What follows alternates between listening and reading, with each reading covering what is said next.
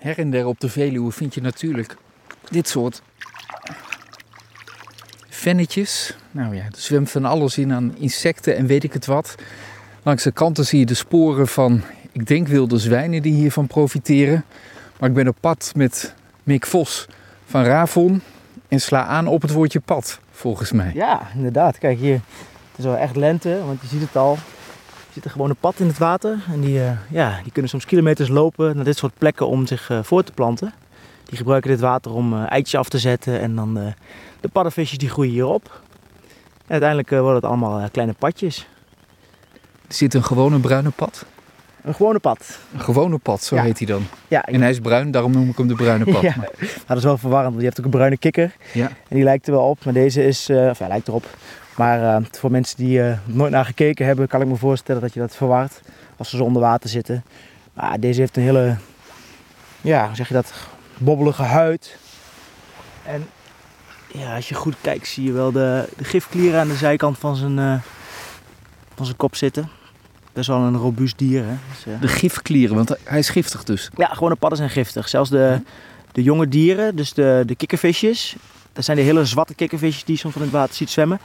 Die hebben gif in hun huid. En eh, ja, dat worden ze niet zo snel opgegeten door vissen. Die vinden ze minder lekker.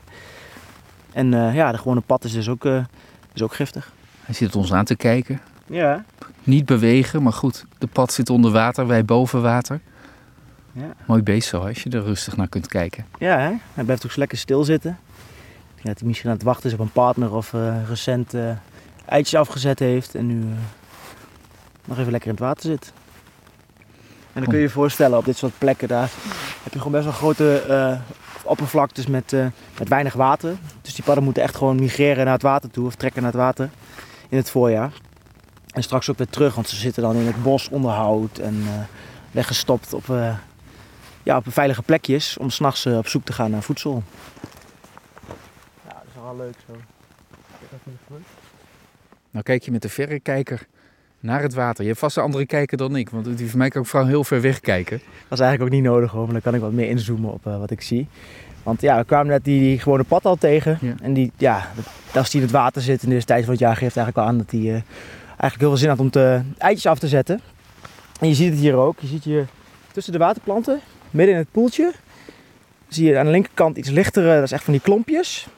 Mhm. Dat is dan denk ik bruine kikker of heikikker. Hier bruine kikker. Wat echt op het water drijft, of zit het er meer in? Ja, kijk, eh, als je, dat drijft een beetje aan het oppervlakte. Ja. En dat is in het, in het voorjaar, een beetje afhankelijk van de plek waar je in Nederland bent, is het vaak bruine kikker. Dat is de meest algemene soort. Op sommige plekken kan het ook heikikker zijn. Maar dat zijn dan van die klompjes die aan het oppervlakte drijven. En daarnaast, dat donkere, dat zijn slierten. Je kunt het hier vooraan wel zien. Die padden, die leggen hun eitjes echt in een soort van slierten. En die kikkers doen dat in een soort van klompen. En dat is nou het, het verschil tussen paddeneitjes en, en kikkereitjes. En als je dat één keer weet, is het eigenlijk heel makkelijk te zien. Ja, voor de algemenere soorten in je tuinvijver kun je dat goed zien. Ja. Maar er zijn wel wat meerdere soorten padden, er zijn meerdere soorten kikkers. In de zomer zijn het ook de groene kikkers, die kwaken zo hard in je tuinvijver. En die leggen de eitjes weer in wat compactere klompjes, iets dieper in het water. Dus in het voorjaar is het in de meeste tuinvijvers is het gewoon eh, bruine kikker. Maar de natuur is net het echte leven. Heel erg zwart-wit is het eigenlijk nooit. Je hebt altijd weer nuances en altijd mitsen en maren. Wat het dan toch weer ingewikkeld maakt. Maar wat het ook zo mooi maakt natuurlijk, die Ja. natuur. En dat houdt het ook interessant hè, want je leert steeds meer.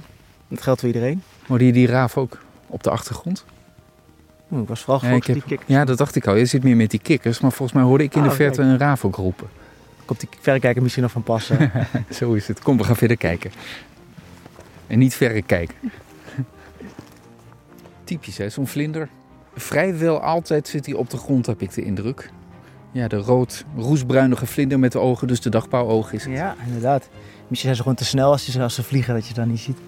kan Dat dat het is. Nou, kijk, hij kan wel vliegen, daar gaat hij. Ja. Toevallig begin deze week eh, was ik aan de wandel en toen zag ik er ook eentje. En toen had ik mijn, eh, kijk, zit hij toch weer in de buurt, had ik mijn eh, camera ook meegenomen. Dus ik dacht, ik zet hem even op de foto. En natuurlijk aan het begin, dan vliegt hij weg. Dan denk je, hè, verdorie. Zo krijg ik nooit een mooie foto. Maar hij bleef maar naar exact hetzelfde plekje terugkomen. Dus na een keer of zes had ik hem haarscherp op de foto.